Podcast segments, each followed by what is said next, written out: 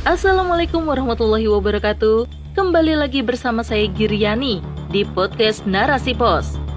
Kali ini dalam rubrik opini dengan tulisan berjudul Tuntunan Islam sudah jelas terhadap Israel. Ditulis oleh Ayah Ummu Najwa. Narasipos.com cerdas dalam literasi media, bijak menangkap peristiwa kunci. Kantor berita AFP pada Sabtu 4 Maret 2023 melansir, Menteri Keuangan Israel Bezalel Smotrich yang merupakan anggota sayap kanan pemerintah koalisi Israel pada hari Rabu lalu melontarkan pernyataan kontroversialnya. Saya pikir Huara perlu dimusnahkan. Saya pikir negara Israel harus melakukannya, cetus Smotrich. Seperti diketahui, beberapa hari setelah penembakan terhadap dua orang pemukim Israel, ratusan pemukim Yahudi melakukan penyerangan terhadap kota Huara di tepi barat.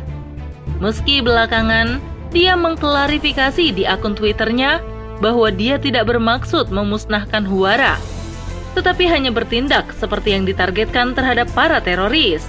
Namun, hal itu telah menimbulkan banyak reaksi dari negara lain seperti Saudi Arabia dan juga Qatar. Walaupun hanya mengecam pernyataan tersebut, namun begitulah Israel negara penjajah yang tak ada henti-hentinya menebar kerusakan di bumi Palestina. Lalu, bagaimana dengan Indonesia? Indonesia dan Israel sejatinya tidak mempunyai hubungan diplomatik.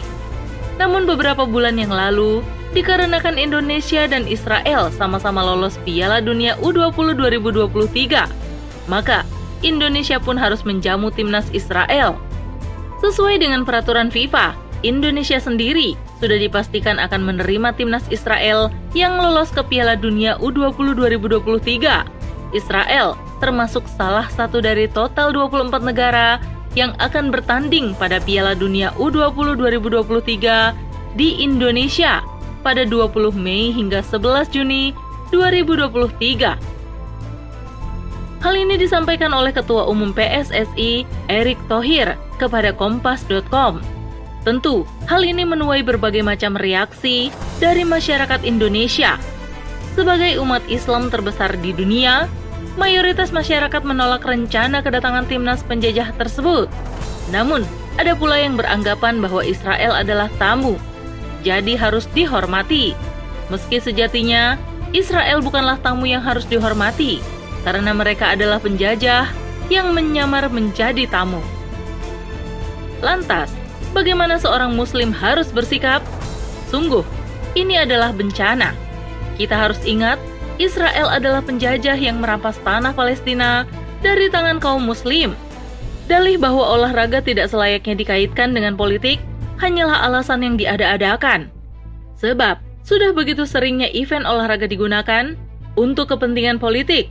Tentu kita masih ingat atlet Rusia yang ditolak untuk ikut Olimpiade dan Piala Dunia karena agresi Rusia terhadap Ukraina.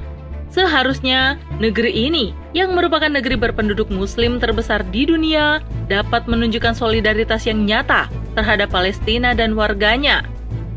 Negeri ini mestinya menolak kedatangan Israel dan mendesak FIFA untuk memperlakukan Israel seperti perlakuan mereka terhadap Rusia, yaitu menolak Israel untuk ikut perhelatan Piala Dunia U20 Mei mendatang. Hal ini jelas menunjukkan sikap muka dua masyarakat internasional, dunia barat yang dimotori Amerika dan PBB, juga lembaga internasional, salah satunya FIFA. Sikap mereka terhadap Israel Zionis selalu sesuai kepentingan mereka dan tak akan pernah memihak umat Islam. Apa yang dilakukan Yahudi Israel atas Palestina dan warganya lebih buruk dan lebih keji dari perlakuan Rusia terhadap Ukraina sikap keras dan sanksi nyata dijatuhkan oleh dunia barat kepada Rusia, namun tidak terhadap Israel. Begitupun PBB serta masyarakat internasional seakan tak berdaya jika berhadapan dengan agresi yang dilakukan Israel. Memang benar, sudah puluhan resolusi PBB dikeluarkan untuk menindak kebiadaban Israel. Namun, semua itu tak mempunyai dampak yang nyata. Setiap Israel melanggar resolusi tersebut, PBB dan masyarakat internasional Jangankan memberi sanksi, mereka malah seakan menutup mata atas kesombongan Israel. Islam telah sangat jelas menuntun kaum muslim dalam menyikapi penjajah Israel yang memerangi umat Islam. Bukan hanya sekadar mengutuk Israel dan memberikan bantuan logistik kepada penduduk Palestina, meskipun itu merupakan hal yang baik dan diperintahkan oleh syariat. Akan tetapi, semua itu tidaklah cukup untuk melenyapkan kejahatan Israel dan melindungi kaum muslim secara nyata. Harus ada langkah konkret yang membuat Israel jerah dan hengkang dari tanah Palestina.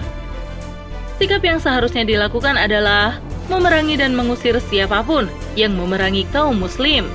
Begitulah Allah memerintahkan kita dalam surah Al-Baqarah ayat 190 dan 191 yang artinya Perangilah oleh kalian di jalan Allah orang-orang yang memerangi kalian, tetapi janganlah kalian melampaui batas. Perangilah mereka di mana saja kalian menjumpai mereka dan usirlah mereka dari tempat mereka telah mengusir kalian. Maksudnya adalah Allah telah memerintahkan agar kaum muslim merebut kembali tanah milik mereka yang dirampas dan dijajah oleh musuh. Allah juga memerintahkan agar kaum muslim mengusir penjajah dan mempertahankan milik mereka. Itulah sikap yang seharusnya diwujudkan oleh kaum muslim terhadap penjajah dan perampas tanah kaum muslim. Semua itu merupakan kewajiban seluruh umat Islam bukan hanya penduduk Palestina saja. Allah pun berfirman dalam surah Al-Anfal ayat 72 yang artinya, jika mereka meminta pertolongan kepada kalian dalam urusan pembelaan agama, maka kalian wajib memberikan pertolongan. Untuk menghentikan kejahatan dan eksistensi Israel secara total, haruslah dengan jihad di bawah komando seorang khalifah. Kita wajib memerangi dan mengusir Israel yang merupakan musuh Islam Inilah solusi yang disyariatkan oleh Allah, bukan hanya sebatas kecaman sesaat yang kemudian akan kembali melunak seiring dengan waktu. Sayangnya, hal ini hanya mungkin lahir dari para pemimpin yang sedari awal mengikrarkan diri dan kekuasaan mereka hanya untuk Islam dan kaum muslimin. Solusi ini pun mustahil lahir dari ikatan nasionalisme dan negara-negara bangsa yang sudah terbukti gagal bahkan sekadar untuk menunjukkan solidaritasnya terhadap saudara seakidah. Oleh karena itu, yang dibutuhkan oleh umat Islam, termasuk untuk menyelesaikan masalah Israel adalah adanya sebuah negara Islam, yakni khilafah. Khilafah yang dipimpin oleh seorang khalifah yang mendedikasikan dirinya untuk Islam dan kaum muslimin.